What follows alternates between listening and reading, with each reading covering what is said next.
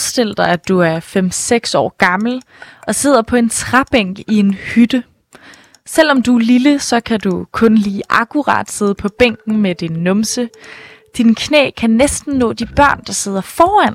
Og på hver side af dig sidder der børn så tæt, at de gnider en smule mod dine arme og albuer, hver gang du eller de bevæger sig. Du kigger frem mod en tavle, som hænger i den modsatte ende af lokalet. Foran tavlen står en mand med en stribet bluse og lyseblå jeans. Han har et kridt i hånden og er ved at skrive bogstaver på den her tavle. Foran og omkring dig sidder måske omkring ja, 40 børn. Du kender ikke det præcise antal, for du har ikke lært at tælle nu. Men mange af dem snakker og griner. Flere har hånden i vejret. Og selvom du nogle gange skal kæmpe for at få et ord indført i den store klasse, så er du sikker, så længe du er her. Her er der ingen, der gifter dig bort eller tvinger dig til at arbejde. Og herinde kan du ikke blive rekrutteret af militante bevægelser. Og efter du så småt er begyndt at læse og skrive, så er du også begyndt at have større drømme om, hvad du vil være, når du bliver stor. Og du er stolt af at kunne kalde dig selv for skoleelev og ikke være nødt til at arbejde. For hvert år du sidder på denne bænk, bliver din fremtid lysere.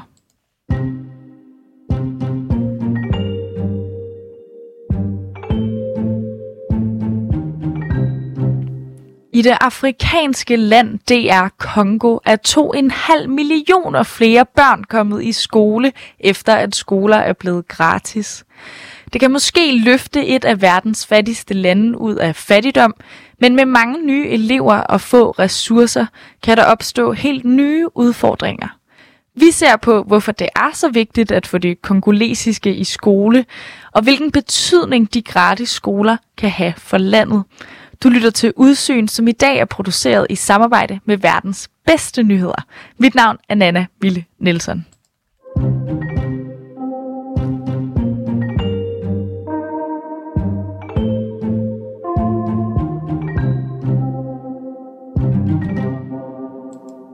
Kandindi han er fem år gammel, og han kommer fra en meget øh, fattig familie i øh, DR Kongo. Og han har ikke øh, tidligere kunne komme i skole, men han drømmer om at blive enten chauffør eller pilot, eller måske endda den næste præsident. Hans mor er bunden og har forsørget sine seks børn alene, siden at øh, Kandindis far døde, så øh, han kommer fra en ret fattig familie. Liv Råhauke Frederiksen er journalist på verdens bedste nyheder. Og denne her gang tager hun os med på skolebænken i DR Kongo. Her bor der nemlig en lille dreng, som du kan høre her.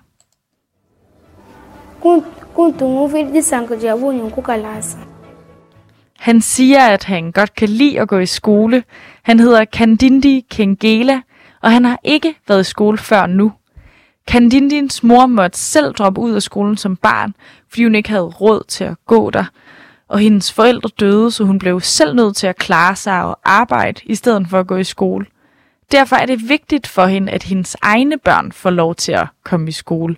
Det kan nemlig udvide din horisont og hjælpe dig med at opnå dine mål i livet, siger hun i et interview til Verdensbanken. Og det er i dag muligt for hendes søn Kandindi, siger Liv Råhauke Frederiksen. Tidligere der var folkeskole ikke gratis i uh, det her Kongo, så forældrene skulle selv betale en ret stor del af blandt andet lærernes løn. Her der kostede et barns skolegang i gennemsnit ca. 400 kroner om året, og for 64 procent af kongoleserne, der var det faktisk den største hindring for at sende deres børn i skole i 2018. Og der var Candindis mor også en af dem. Selvom hun ønskede en bedre fremtid for sine børn, end, hun, end den, det liv, hun selv havde, så var hun så fattig, at, at valget stod mellem at give sine børn mad eller betale for deres skolegang. Kandindi og 2,5 millioner af DR Kongos børn er nu begyndt i grundskolen. Historien handler om, at øh, DR Kongo i september 2019 gjorde grundskolen gratis for alle børn. Og det har så gjort, at flere millioner børn nu kommer i skole. Og det kan potentielt være et vendepunkt i kampen mod fattigdom.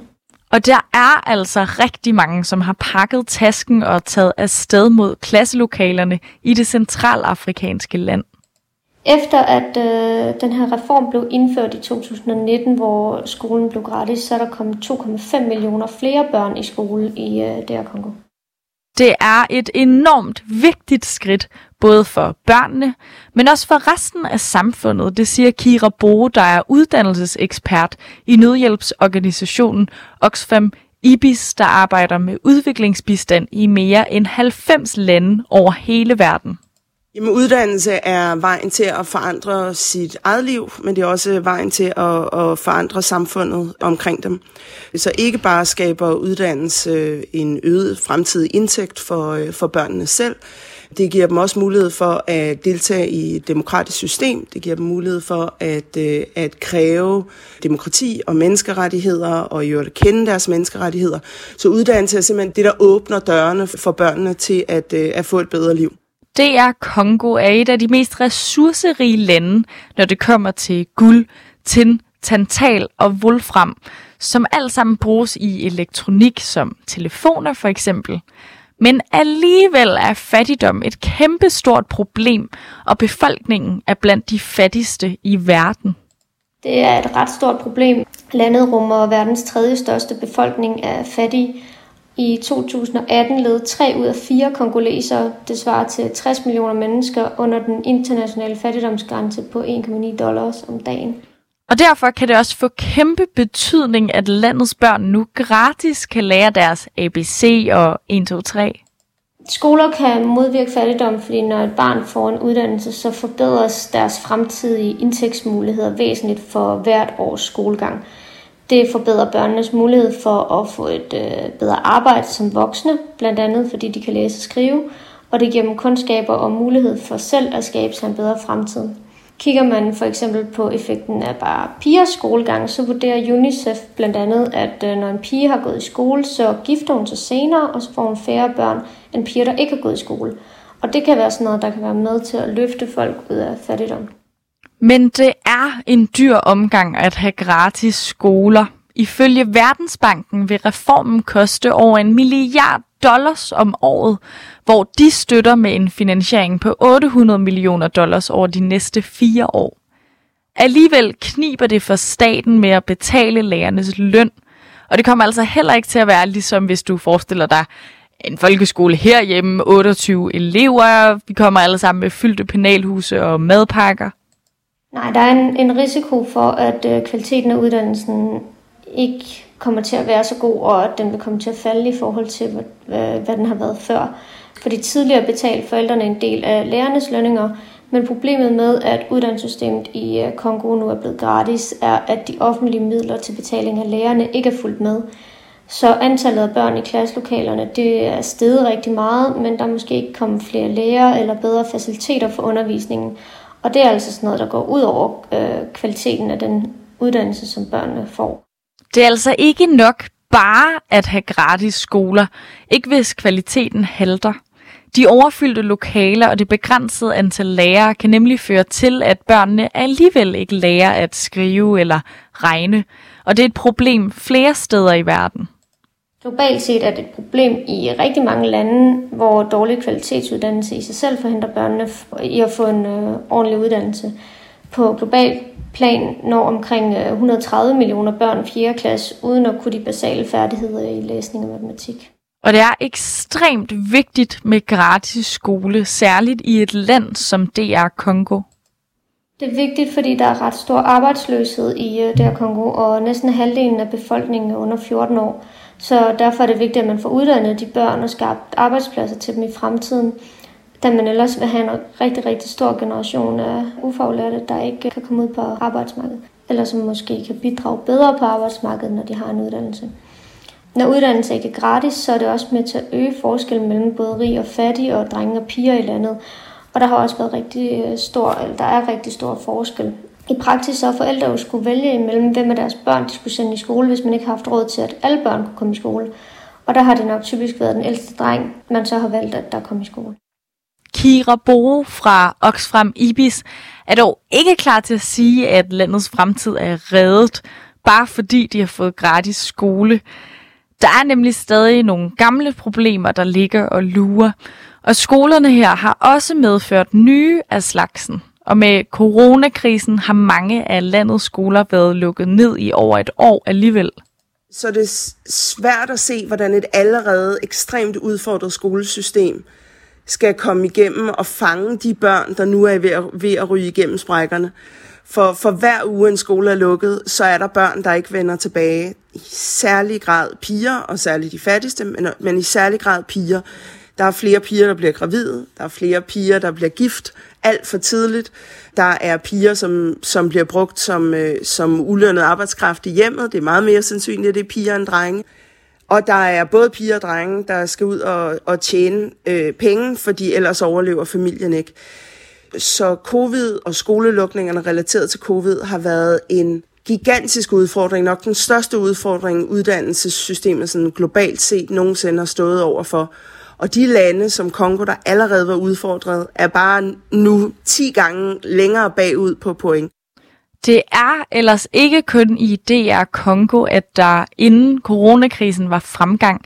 På verdensplan er der flere børn, der samler og pakker bøger og blyanter i sine skoletasker.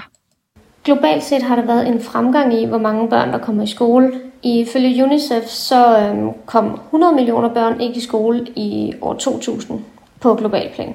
I dag er det tal så faldet til 59 millioner børn, der ikke kommer i skole. Det svarer altså til, at 9 ud af 10 af verdens børn starter i skole, så det er altså gået væsentligt fremad over de seneste år. Der er stadig det problem, at de 59 millioner børn, som så ikke kommer i skole, og der er over halvdelen af dem stadig øh, piger. Tilbage i DR Kongo er Kandindi selv forhåbningsfuld for fremtiden. Her siger han, at hvis skolen er gratis for alle, så kan alle få et job, og så vil alle de store virksomheder flytte til DR Kongo. Bikal bantu bon subalonga kalas.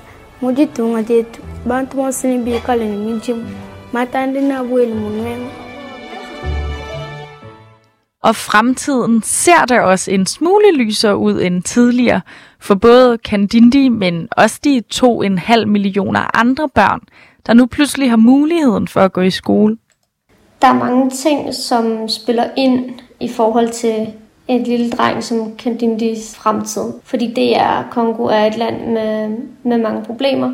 Men helt generelt kan man jo sige, at øh, i og med, at skolegangen er blevet gratis, og han nu har mulighed for at komme i skole, så har han allerede fået et privilegie, som, som var bedre end den gang hans mor var barn, og måske ikke kunne komme i skole.